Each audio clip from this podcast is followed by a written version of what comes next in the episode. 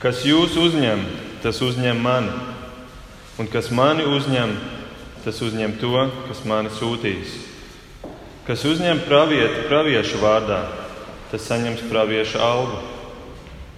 Kas uzņem taisno taisnā vārdā, tas saņems taisnā algu. Un kas padzirdīs vienu no šiem vismazākajiem ar biķeri augsta ūdens, vien tādēļ, ka to sauc māceklis, tam viņa alga nezudīs.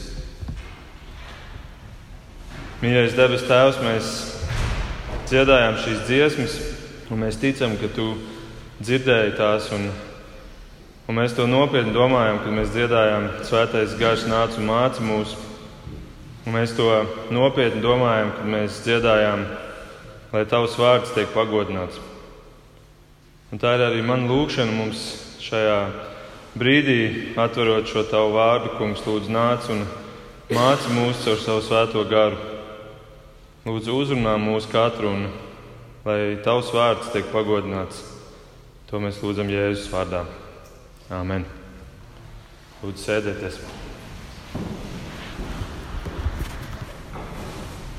Ļaujiet man sākt ar vienu tādu nērtu jautājumu. Cik no jums šonadēļ ir pastāstījuši kādam par Jēzu? Kādam, kurš nepazīst Jēzu? Un es domāju, ja es spētu redzēt domas, tad iespējams mana reakcija būtu, kādēļ tik maz? Kādēļ tik maz? Un tā atbilde droši vien ir teikt, ka mums ir bail, ka mūs nesapratīs vai ka nepieņems mūsu vēsti. Un es domāju, nu būsim tā, būsim godīgi. Mums ir jāatzīst, ka lielākā daļa, vienalga cik mēs aktīvi esam, cik mēs labi gribam un cik mēs drosmi saņemam, ka lielākā daļa nepieņem šo mūsu ticību un šo Kristus mācību. Varbūt mēs esam pieredzējuši, ka kādi mūs par to izsmēja vai padomā, ka mēs esam neizglītoti un ka mēs esam vāji. Vai labākajā gadījumā mēs atduramies pret tādu kā vienaldzību. Bet, ziniet, labā ziņa tā, ka Jēzus jau iepriekš ir teicis, ka tā būs. Ka tā būs. Un līdz ar to mēs varam teikt, viss notiek pēc plāna. Mums varbūt ir sajūta, ka mūsu plāns neizdodas ka šis Dieva plāns iet un nes šo Kristus vēstu pasaulē, ka šis plāns neizdodas vismaz ne manā dzīvē. Ka es esmu vājš kristietis, es varbūt pat esmu nederīgs kristietis, vai es varbūt neesmu vēl pietiekami svēts, lai to darītu. Es varbūt neesmu pietiekami izglītots vai vienkārši neesmu dedzīgs. Bet atbildi ir nē, viss notiek pēc plāna. Lielam vairumam ir jāatraida un jānoraida tavu vēsts, un tavu liecību un tavu ticību. Matei 22. Jēzus ir teicis, daudz ir aicināto, bet maz izredzēto. Daudzus Dievs aicina, un varbūt, ja tu esi aktīvāks, tad arī caur tevi aicina, bet maz atsaucās maz ir izredzēto. Vai arī Kalnu svētdienā, Mateja 7. Jēzus saka, ieiet pa šaurajiem vārtiem, jo plati ir vārti un plats ir ceļš, kas ved pazušanā, un daudzi pa tiem ieiet. Bet cik šauri ir vārti un cik šaurs ir ceļš, kas ved dzīvībā, un tikai nedaudz to atrod. Tā kā mēs varam teikt, šī proporcija ir pareiza, tā ir bibliska un tā ir paredzēta viss notiek pēc plāna. Tātad neuztraucies, ja tavu ticību noraida vai tevi nepieņem tavas ticības dēļ. Neļauj tam apturēt tevi vai padarīt tevi pasīvu. Mēs varam paskatīties uz Jēzus mācekļiem, un tas ir arī konteksts šodienas raksturētē, kurus lasīju ievadā. Šajā Mateja evaņģēlī desmitajā nodaļā Jēzus sapulcina šos savus mācekļus un sūta viņus misijā. Un ko viņš saka viņiem? 14. pantā viņš saka, ja kāds jūs neuzņem un neuzklausa jūsu vārdus, redziet, Jēzus jau informē, ka tas notiks. Jūs neuzņems un jūs neuzklausīs. Un, ja kāds to dara, tad iedami ārā no šī nama vai šīs pilsētas, nokritiet putekļus no savām kājām. Tas ir simbolisks rituāls nokritīt putekļus, nokritīt un doties tālāk. Nokritīt pagātni, aizmirst par to un iet droši pretī nākotnē. Nu, jūs varbūt nāk prātā tagad tas ievadā lasījums, kuru Reinis lasīja no apstuļu darbiem 13, kur Pāvils dodas un, un viņš piedzīvo tieši to, ko Jēzus šeit bija teicis. Cilvēki nepieņem viņu mācību, un tādēļ viņi nokrita putekļus no kājām un viņi dodas tālāk. Viņi neapvainojas par šo negatīvo reakciju. Viņi nekrīt izmisumā, viņi nesāk šaubīties par savu ticību. Nē, viņi nopurina putekļus un dodas tālāk. Un tur mēs pēdējie divi panti lasījām, bet viņi nokritījuši pret tiem putekļus no savām kājām, aizgāja uz ikoniju, un mācekļi kļuva prieka un svētā gara pilni. Neizklausās, ka tas viņus apmulsināja vai kaut kādā veidā apturēja. Neizklausās, ka viņi bija pārsteigti par šo reakciju un ka tas viņiem lika apšaubīt savas ticības patiesumu. Neizklausās, ka viņi ir kļuvuši bailīgi un sāk šaubīties, vai tā misija, kurā viņi devušies, ir tā īstā. Nē, viņi nokrita putekļus un dodas tālāk, un tur viņus sagaida prieks un, un svētā gara pilni viņi top, un, un viss Dieva plāns turpinās. Mēs varam teikt, nu, izklausās tik vienkārši, bet, bet kā viņi to spēja? Kas bija tas dzinulis, kas viņiem ļāva iet tālāk pēc šīs negatīvās pieredzes? Un tā atbilde noteikti tā, ka viņi bija labi sagatavoti. Viņiem bija bijis labs skolotājs. Viņa skolotājs viņam bija devis pilno bildi, gan šo negatīvo pusi, ka brīdināja, ka būs negatīva reakcija, sagaidiet to. Bet viņš bija arī viņam izstāstījis par to otru pusi. Kaut arī būs daudzi, kuri jūs atraidīs, tomēr kādi gaida, kuri uzņems jūs. Un tas ir tieši tas, ko šajā apstākļu darbos 13, ko viņi arī tur redz. Viņi runā un viņi redz, ka, ka pagāni to dzirdot, priecājās un slavēja kungu, un tie, kas bija izraudzīti mūžīgai dzīvībai, ticēja. Ir kādi, kur ir izraudzīti mūžīgai dzīvībai, un viņi gaida, un viņu dēļ ir vērts iet un turpināt. Vienalga, cik daudz negatīvas pretreakcijas mēs saņemam. Bet tas jautājums paliek, un par to es vēlos arī šodien domāt, vēl padziļināt, kas ir tas spēcīgais un pievilcīgais tajā pozitīvajā apsolījumā, ka viņi spēja turpināt iet un pildīt šo misiju, kaut arī viņi saņēma tik daudz negatīva pretī. Kas bija tas pievilcīgais šajā apsolījumā, kas viņiem deva to ticību, iet un turpināt Kristus darbu? Un par to es vēlos šodienas tekstā rast atbildes. Es šo svētdienu esmu nosaucis trīs algas. Trīs algas. Un, ja mēs apskatāmies to šodienas tekstu, tad mēs redzam, ka tātad Jēzus iedrošina, kaut arī daudzi jūs noraidīs, tomēr kādi jūs tomēr uzņems. Bet ziniet ko, ja viņi uzņems jūs, patiesībā viņi neuzņems tikai jūs, viņi uzņems vēl kādu citu. Un viņš saka 40. pantā, kas jūs uzņem, tas uzņem mani. Bet vēl vairāk, un kas mani uzņem, tas uzņem to, kas mani sūtīs. Kas bija sūtījis Jēzu šajā pasaulē? Debesu Tēvs, lielais es esmu, pasaules un visuma radītājs, mūžīgā Dieva vārda, kas pastāvēs pēc tam, kad šī pasaule jau būs gājusi bojā, autors mūžīgais svētais Dievs, un, un šis visu varenais ir gatavs nākt pie cilvēkiem caur tevi un mani.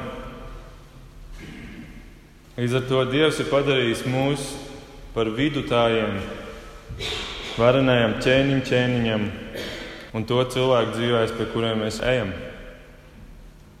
Tas ir tas, ko Jēzus šeit pasaka. Un, ziniet, ja jau pats ķēniņš, ķēniņš ierodās, tad diez vai viņš nāks ar tukšām rokām. Ne? Nē, viņš sev līdzi atnesis ir algas. 41. pantā mēs lasām, ja jūs sakat, kas uzņem pravietu praviešu vārdā, tas saņems praviešu algu. Lai saprastu šo domu, vispirms ir jāuzdod jautājums, kas ir pravietis.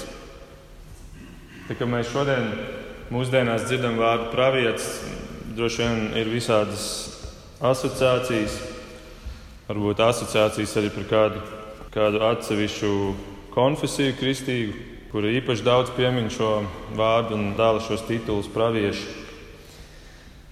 Bet pravietis tajā bibliskajā nozīmē ir grieķu vārds profetes, kas sastāv no diviem vārdiem - pro un femī.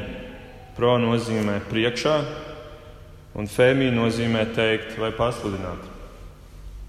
Tātad teikt priekšā, kas nozīmē pareģot nākotni, es pasaku priekšā lietas, kuras notiks, vai arī mēs varam to pagriezt pretēji un teikt, pasludināt no priekšas Tātad sludināt Dievu vārdu. Angļu valodā tas ir īpaši skanīgi. Tur var teikt foretell vai apgriezt otrādi un teikt tell forth. Foretell nozīmē teikt priekšā, jeb pareģot. Tell forth nozīmē sludināt. Ja mēs paskatāmies šī vārda definīciju, tad kāds ir rakstījis, ka tas ir tāds, kurš pasludina dieva prātu, kas reizēm nozīmē pareģot nākotni, bet visbiežāk Bībelē sludināt Dieva vēsti. Tātad bibliski vispiemērotākais, vistuvākais, visbiežāk izmantotais apzīmējums pravietim ir nevis pareģis, kurš runā par nākotnes darbībām, bet tas, kurš Dieva vārdu sludina. Tātad mēs varētu mūsdienās teikt, tas ir, tas ir Dieva vārdu sludinātājs vai mācītājs. Ja mēs pārfrāzējam šo šo Jēzus teikumu, mēs varam teikt, kas uzņem mācītāju, mācītāju vārdā, tas saņems mācītāju algu. Bet pirms mēs apskatāmies, kas ir mācītāja alga, jautājums, ko nozīmē uzņemt kādu kāda vārdā. Ko tas nozīmē, ka mēs sakam, es uzņēmu mācītāju mācītāju vārdā?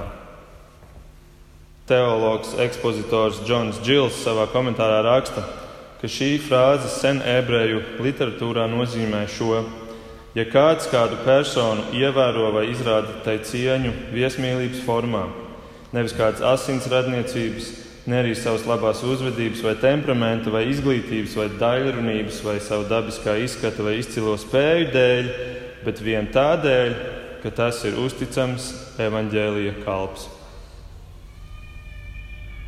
Citiem vārdiem sakot, Ja tu kādu uzņem tikai tādēļ, ka viņš ir Dieva evaņģēlīja kalps, mācītājs, sludinātājs, lūk, tad tu saņem šī paša mācītāja, jeb sludinātāja algu. Tad tagad jautājums ir, labi, kas tad ir šī alga? Tā var būt alga, ko tu saņem no paša mācītāja, tāpēc to sauc par mācītāja algu. Viņš to dod no sevis, tāpēc mēs viņu tā nosaucam. Un tas nozīmē to, ka viņš tev pasludina evaņģēlīju, tā kā es jums šodien daru, vai viņš māca jums saprast Dieva vārdu. Viņš aizved patiesības dziļumos. Bet tā var arī būt vēl lielāka alga, un tā ir alga no paša Dieva. Alga, kuru Dievs jau ir devis mācītājiem, un tagad viņš dod to tālāk arī šim cilvēkam, kurš ir uzņēmis šo mācītāju. Un tā alga ir mūžīgā dzīvība, taisnošanas mētelis Kristus vai Dieva valstības mantojums. Citiem vārdiem sakot, tas, kurš uzņem mācītāju tādēļ vien, ka viņš ir mācītājs, tas uzņem Kristu un debesu tēvu, no kura saņem algu. Un tā alga ir vai nu svētības no mācītāja, kuras mācītājs ir pilnvarots dot, vai arī jaunpiedzimšana no paša Dieva. Un es domāju, tas liecina par to, cik ļoti Dievs mīl cilvēkus, pat, pat kritušos cilvēkus. Padomājiet ar to vien, ka viņi uzņem kādu cilvēku dieva vārdā, viņi jau saņem algu. Bet es domāju vēl daudz vairāk, cik augstu Dievs vērtē savējos, savus bērnus, ka Viņš dala dāvanas citiem cilvēkiem par to vien, ka tie ir kalpojuši šiem viņa ļaudīm, ka viņi ir uzņēmuši šos viņa bērnus. Un es domāju, ka šis parāda, cik ļoti Dievs lielu godu parāda cilvēkam, ka viņš ir gatavs lietot cilvēku kā instrumentu savās rokās. Vecajā derībā mēs lasām stāstu par Eliju, kā viņš dodas pie atraitnes. Un, uh, viņš, un šī atraitne ir ļoti nabadzīga, un tur valda bada laiki, un ir uh, sausuma periods un trūkums liels. Bet Elija lūdz viņai padzerties. Un pēc tam Elija lūdz, dod man arī ēst. Un šī, protams, atraitne sākumā ir apjukusi, jo ir bada laiki, un tagad atnāk kaut kāds svešs vīrs un prasa viņai ne tikai padzert, bet arī ēst, bet, bet viņi uzņem šo pravietu. Viņi uzņem šo pravietu, un Dievs atalgo šo atraitni. Viņš pirmkārt uztur viņus abus, un mēs lasām 1. ķēniņa 17. Milti traukā nebeidzās, un krūkā eļļas nepietrūka, kā Elīja bija sacījis kunga vārdā. Ar to vēl nebija gana, pēc tam viņš vēl uzmodināja atraitnes dēlu, kas bija miris, uzmodināja no miršiem. Lūk, alga par praviešu pieņemšanu tādēļ vien, ka tas bija Dieva sūtīts. Pravieša alga. Jēzus turpina par otro algu. Alga numur divi, 41. pantā. Kas uzņem taisno taisnā vārdā, tas saņems taisnā algu.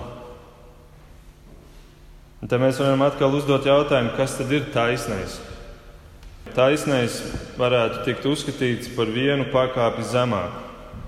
Tas nozīmē, ja nu tu, ja nu tu neesi gluži mācītājs, un tu līdz ar to sevi nespēji asociēt ar mācītāju, tad pakāpjam vienu pakāpi zemāk un, un runājam par to, kurš varbūt nav evaņģēlīja kalps, bet Kristus kalps.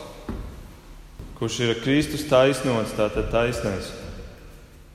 Un atkal šī alga var būt tā paša alga, kuru var dot šis taisnais cilvēks, piemēram, lūdzot par šo savu labvēli, vai svētot viņu, vai iedrošinot viņu, vai pamācot viņu, vai kādu citādi ceļot viņu. Bet tas var būt atkal arī tā otrā pakāpe, alga no paša dieva. Kad caur šo cilvēku šis cilvēks labvēlis saņem to algu, kur ir saņēmis taisnais, un tā ir Kristus taisnošana. Lūk, taisnā alga.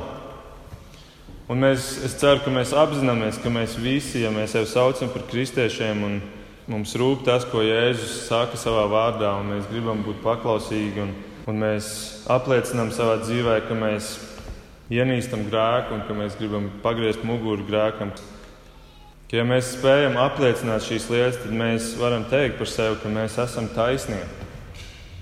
Vienalga, ja mēs klūpam un krītam savā dzīvē, un mēs nejūtamies pilnīgi, tomēr Kristus mūs ir padarījis pilnīgus, jo Viņš ir uzvilcis mums Kristus taisnības apmetni. Viņš ir uzlicis mums Kristus taisnību, bezgrēcīgumu. Un tad, kad mēs tiesas dienā stāvēsim lielā tiesneša priekšā, viņš skatīsies uz mums, viņš redzēs Kristus pilnīgo dzīvi. Jo Golgātā viņš redzēja Kristu ar mūsu grēkiem uz viņa. Tāpēc mēs katrs esam šāds taisnais. Un caur mums Dievs dāla šīs pašas algas citiem tālāk. Viņš mūsu pašu algu, varētu teikt, izdala tālāk. Bet mums nepaliek mazāk ar to. Kā tajā līdzībā par denāriju, kur katrs saņem vienu denāriju, vienalga vai tas nostrādājis vienu stundu vai visu dienu. Visi saņem to pašu, un tava daļa nesamazināsies, tā var tikai pieaugt citu labā. Labi, bet ir vēl trešā alga. Jēzus pakāpja vēl vienu soli zemāk, un viņš parūpējas, lai ik viens jūtas iekļauts. Ja tu neesi mācītājs, un varbūt tu vēl nespēji pieņemt, ka tu esi taisnots Kristū, Tad lūk, māceklis, pats zemākais, tāds, kurš mācās. Tāda bija tajā brīdī, kad Jēzus šos vārdus saka, tādi bija šie 12 mācekļi. Viņi vēl nebija nekas, viņi bija zaļas nulles. Viņi stāv pie sliekšņa savas pirmās testa misijas priekšā. Zvejnieki tikai mācās, tikai mācekļi Jēzum. Un tad nu 42. pāns ir par viņiem. Un kas padzirdīs vienu no šiem vismazākajiem ar biķeri augsta ūdens vien tādēļ, ka to sauc māceklis, tam viņa alga nezudīs. Ja mēs varam teikt, tas taisnais bija tāds tituls cilvēkam, kurš ir pierādījis jau savā dzīvē, ka, ka viņš ir kristietis, viņš ar augļiem ilgākā laikā to ir apliecinājis, un citi cilvēki par viņu teiks, jā, viņš ir taisnais. Tad māceklis ir katrs, visi. Pat tikko jaunpiedzimuši garīgie bērni, jaunie kristieši. Šeit visus mēs varam sevi iekļaut. Un arī uz viņiem lūk, attiecās tas pats. Par šo vismazāko uzņemšanu ķēniņu ķēniņš maksās algu. Jēzus tev piemin glāzi ūdens, lai parādītu, ka, ka pat visniecīgākā lieta, ko tu darīsi šim cilvēkam, tikai tādēļ, vien, ka viņš ir Kristus māceklis. Ja tu kaut viņam vienkārši iedosi glāzi ūdens, kas katram atradīsies, pat ja tu nevari likt galdā banketu, Par to viņš sola neaizmirst un atmaksāt viņam šo algu. Tādēļ vien, ka Jēzus māceklis. Vai jūs dzirdat, kas tas ir par godu? Vai jūs to saklausat? To godu, kuru Dievs izrāda savējiem, pat vismazākajiem. Ja viņi kaut kur ierodās, tur ierodās pats Kristus, ja es saku. Mums drīz Latvijā ieradīsies pāvests. Un redz, latvieši pat ir ielikuši svētku dienu, nav jāiet uz skolu un darbu un sarkanais datums. Bet ziniet, patiesībā, ja ierodās pat vismazākais Kristus māceklis, viņam līdzi ierodās Kristus. Un, un tur būtu Katrs pelnījis, ka viņam iedod par viņu iedot šādu svētku dienu. Tas ir tas, ko Jēzus šeit saka. Tur ierodās pats Kristus. Nevis kaut kāds pāvests, bet pats Kristus līdzās šim, šim vismazākajam māceklim. Un varbūt jūs jau klausoties šos vārdus, esat jau aizdomājušies par tiem vārdiem, kurus Jēzus teica Matei 25 kur viņš saka, es biju izsalcis un jūs devāt man ēst. Es biju izslēpts un jūs devāt man dzert. Es biju svešinieks un jūs mani uzņēmāt. Es biju kails un jūs mani apģērbāt. Es biju slims un jūs mani apraudzījāt. Es biju cietumā un jūs nācāt pie manis. Tad taisnē viņam jautās, Kungs, kad mēs esam tevi redzējuši izsalkuši un esam devuši ēst, vai izslāpuši un esam devuši dzert? Kad mēs esam tevi redzējuši kā svešinieku un uzņēmuši, vai kailu un esam apģērbuši? Kad mēs tevi esam redzējuši slimu vai cietumā un esam nākuši pie tevis? Un ķēniņš tiem atbildēs: Patiesi es jums saku, visu, ko jūs esat darījuši vienam no šiem maniem vismazākajiem brāļiem, jūs esat man darījuši. Mēs neesam vieni. Vienalga, kur mēs esam, ja mēs esam Jēzus mācekļi, mēs neesam vieni. Ja Kristus ir izredzējis mūsu mūžīgai dzīvībai, tad Viņš ir arī taisnojis mūsu. Un tad Viņš ir adoptējis mūsu savā ģimenē, tā kā mēs arī dziedājam dziesmu, ka mēs vairs neesam bērni, mēs esam tagad tēva bērni. Un tas, ko Jēzus šeit saka, Viņš ies mums līdzi līdz pēdējai dienai. Ja mēs kaut kur ierodamies pie kāda, viņš nāk mums līdzi. Tā ir mēs varam teikt, ka mēs ne tikai gaidām godību aizsaulē, bet, bet mēs jau tiekam pagodināti šajā dzīvē. Romiešiem 8,30 šie grandiozie vārdi, par kuriem viņš jau iepriekš ir noteicis, tos viņš arī aicina, un kurus viņš aicina, tos viņš arī attaisno, un kurus attaisno, tos arī pagodina. Mūsu kungs ir tik labs,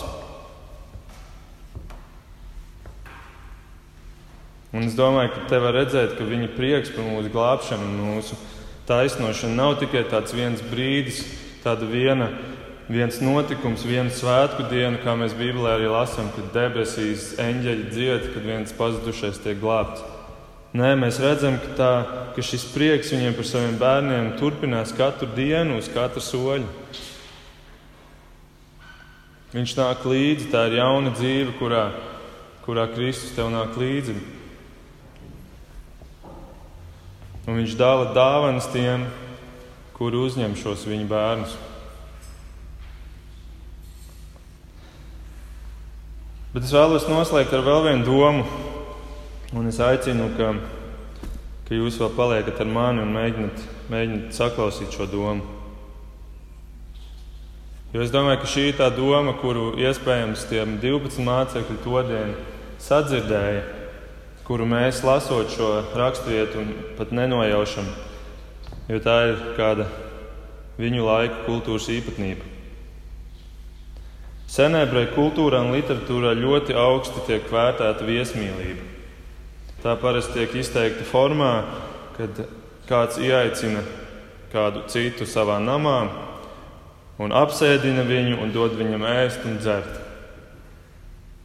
Un tajā laikā īpaši augsta viesmīlība bija pret cilvēku, kurš ir māceklis kādam gudram vīram. Māceklis kādam gudram vīram. Un tas pats ekspozitors Džons Džils savā komentārā par šo šodienas raksturvietu apraksta šādu veidu viesmīlību. Paklausieties! Kas viesmīlīgi uzņem šādu gudra vīra mācekli savā namā un liek tam ēst un dzert un lietot sava nama labumus Ir pamats ticēt, ka tāds būs daudz vairāk svētīts nekā Obed-Enoma nams, tika svētīts derības šķirsta dēļ. Šķirsta, kas ne ēda, ne dzēra ar viņu. Vai jūs zināt, kas ir šis Obed-Enoms? Kas ir šis Obed-Enoms, kurš bija svētīts, bet mēs, kuri uzņemam šādus mācekļus, tiekam vēl daudz vairāk svētīti? Jūdi ticēja. Kas ir šis obedenums? Ļoti interesanti paklausieties. Tas ir vīrs, pie kura ienesa mājā un noglabāja derības šķirstu, tad, kad viņu pārvietoja. Derības šķirsts bija tā vienkāršot runājot, dieva apmešanās vieta pirms tika uzbūvēts templis.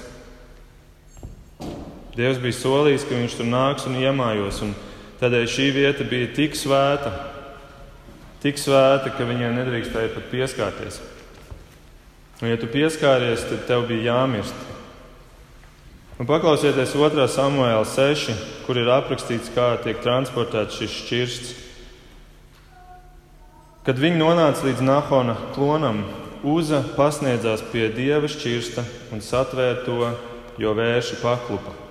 Tātad vērši paklupa un šis Uza pieskārās šim šķirstam. Tad kungs iedegās dusmās pret Uzu, un Dievs viņu tūdaļ sita par viņu kļūmi, un viņš nokrita miris līdzās Dieva šķirstam. Dāvids, kurš organizēja šo transportēšanu, sadrūma par to, ka kunga trieciens satrieca Uzu, un to vietu viņš nosauca Pērets Uza. Tā to līdz šai dienai sauc. Un Dāvids bijās kunga un sacīja: Kā gan lai kunga šķirsts nāk pie manis? Dāvids negribēja vest kungu šķirstu sev līdzi uz Dāvida pilsētu un novietoja to gatieša Obed-Enoma namā. Kunga šķirsts palika gatieša Obeda-Enoma namā trīs mēnešus, un kungs svētīja Obed-Enomu un visu viņa namu. Kad ķēniņš Dāvidam pastāstīja, ka kungs dieva šķirsta dēļ ir svētījis Obed-Enoma namu un visu, kas tam ir Dāvids ar līgsmību gāja nēst dievu šķirstu no Obedēnoma nama uz Dāvida pilsētu. Tātad Dāvids ved šo šķirstu savu pilsētu, un tad notiek šis briesmīgais notikums, un Dāvids nobīstās un novieto viņu Obed-Enoma namā, kurš piekrīt uzņemt viņu. Un paiet trīs mēneši, un Dievs tik ļoti ir svētījis šo Obed-Enomu. Viņš viņam ir izmaksājis, ja mēs tā varam teikt, algu pēc algas, un Dāvids to redz, un viņš priecājās, un viņš saprot, ka man tomēr šo derību šķirstu vajag pie sevis. Un viņš ņem viņu un ved uz savu pilsētu. Lūk, un jūdi ticēja, ka uzņemt gudra vīra mācekli un pabarot viņu ir vēl daudz lielāka svētība, ir vēl daudz lielāks ieguvums nekā bija obedēnam namam. Un tagad paklausieties, ja salīdzinājumā obedēnums ir tas, kurš uzņem, tad kas esam mēs šajā salīdzinājumā, kurus uzņemt? Mēs esam derības šķirsts. Mēs esam šīs derības šķirsts šajā salīdzinājumā.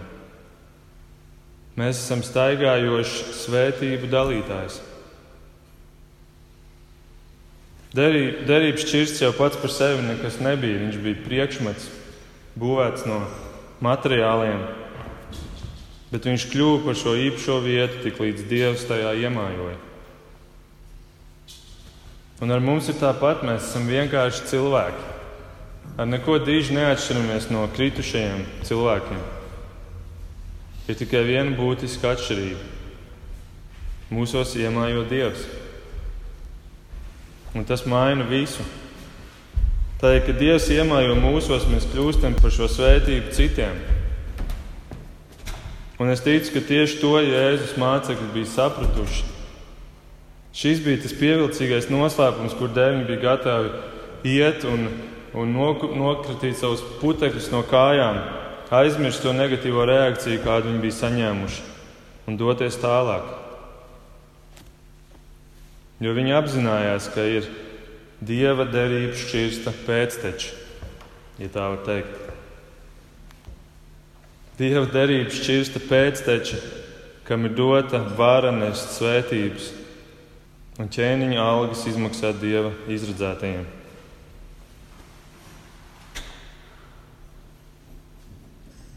Un arī mēs esam šie paši pēcteči. Varbūt mēs šeit sēžam ar savām ikdienas problēmām un domājam, jā, jā, nu, Bībele jau to visu saka, bet, bet kā tad ir ar manām problēmām dzīvē? Šeit ir runa par algu izmaksāšanu tiem, kas mūs uzņem. Bet kā ir ar mani pašu? Un es domāju, ka kādēļ vispār mums ir dota Bībele, ir tas, ka mums ir vispirms jāsaprot, kas mēs esam Kristū. Ja mūsu atziņa augs par to, kas mēs esam, kā mēs uztversim šo dzīvi, kā mēs skatīsimies uz savām problēmām, kas varbūt ir līdzīga negatīva reakcija, kuru mēs saņemam. Varbūt ne no citiem cilvēkiem, bet mēs saņemam finansiālas problēmas un veselības problēmas. Vai tas mūs apturēs, vai tas mums liks šaubīties? Vai tas mums ļaus ieraudzīt, ka tas nav strupceļš, kurā mēs esam ienākuši, bet tas ir Dieva apzināts ceļš, jo Kristus iet man līdzi? Un viņš ne tikai iet man līdzi, bet viņš manī nes šīs algas, kuras cilvēki gaida. Un, ja man ir kāda smaga slimība, varbūt tas ir ceļš, kuru Dievs man ir apzināti devis iet, lai es aizsniedzu tos cilvēkus, kuri pa šo ceļu ejot, gaida mani. Kurš gan ies šo ceļu? Mēs esam Dieva derības šķirsta pēcteči. Derības šķirsts pazuda kaut kur ap 6. gadsimtu pirms Kristus, tad, kad Izraels tika aizvests trimdā uz Babiloniju. Kopš tās dienas tā arī neviens viņu nav atradzis, un daudzi meklē viņu un domā, kur viņš varētu būt. Ir filmas uzņemtas, Indiana Jones un mani dēli. Daudz runā arī par to, un, un savā LEGO spēlītēs būvēja derības šķirstu, kurš ir pazudis un slepenais dārgums. Bet, ziniet, viņš vairs nav vajadzīgs, tāpēc ka tagad šie derības šķirsti, svētības un šī māja vieta Dievam esam mēs caur Kristu. Un jautājums ir, vai mēs pieņemsim to tikai kā privilēģiju vai arī kā atbildību. Lūksim Dievu.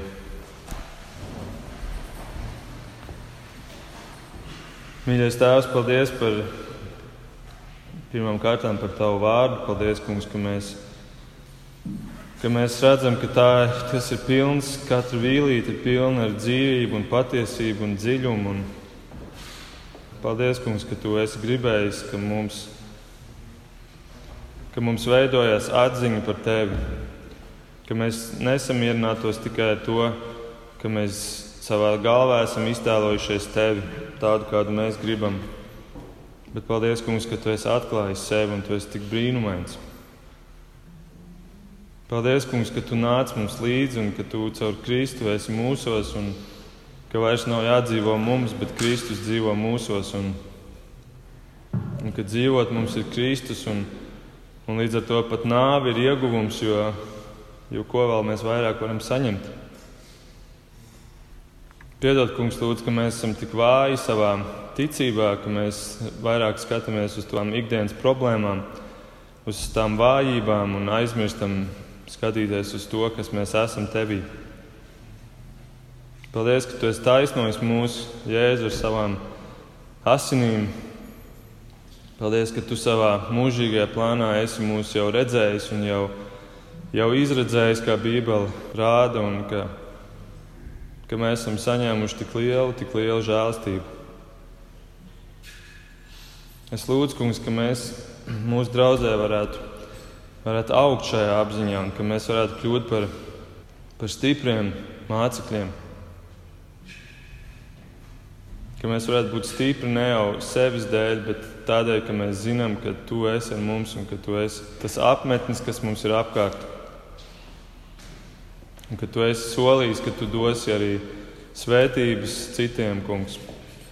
Tu varēji savu glābšanas plānu īstenot ar, ar brīnumiem, ar sapņiem, ar dažādiem citiem veidiem, bet tu esi izredzējis to glābšanas ceļu, kad tas notiks caur taviem bērniem. Paldies par šo mūsu iesaistīšanu savā plānā, kungs. Un es lūdzu, ka mūsu ļenganās kājas varētu būt stipras un ka mēs varētu celties un ar drosmi iet tā, kā to darīja mācekļi. Jo mēs arī esam mācekļi. Un paldies Tev par to, Kungs. Lai Tev gods un slāva un pateicība Jēzu. Amen.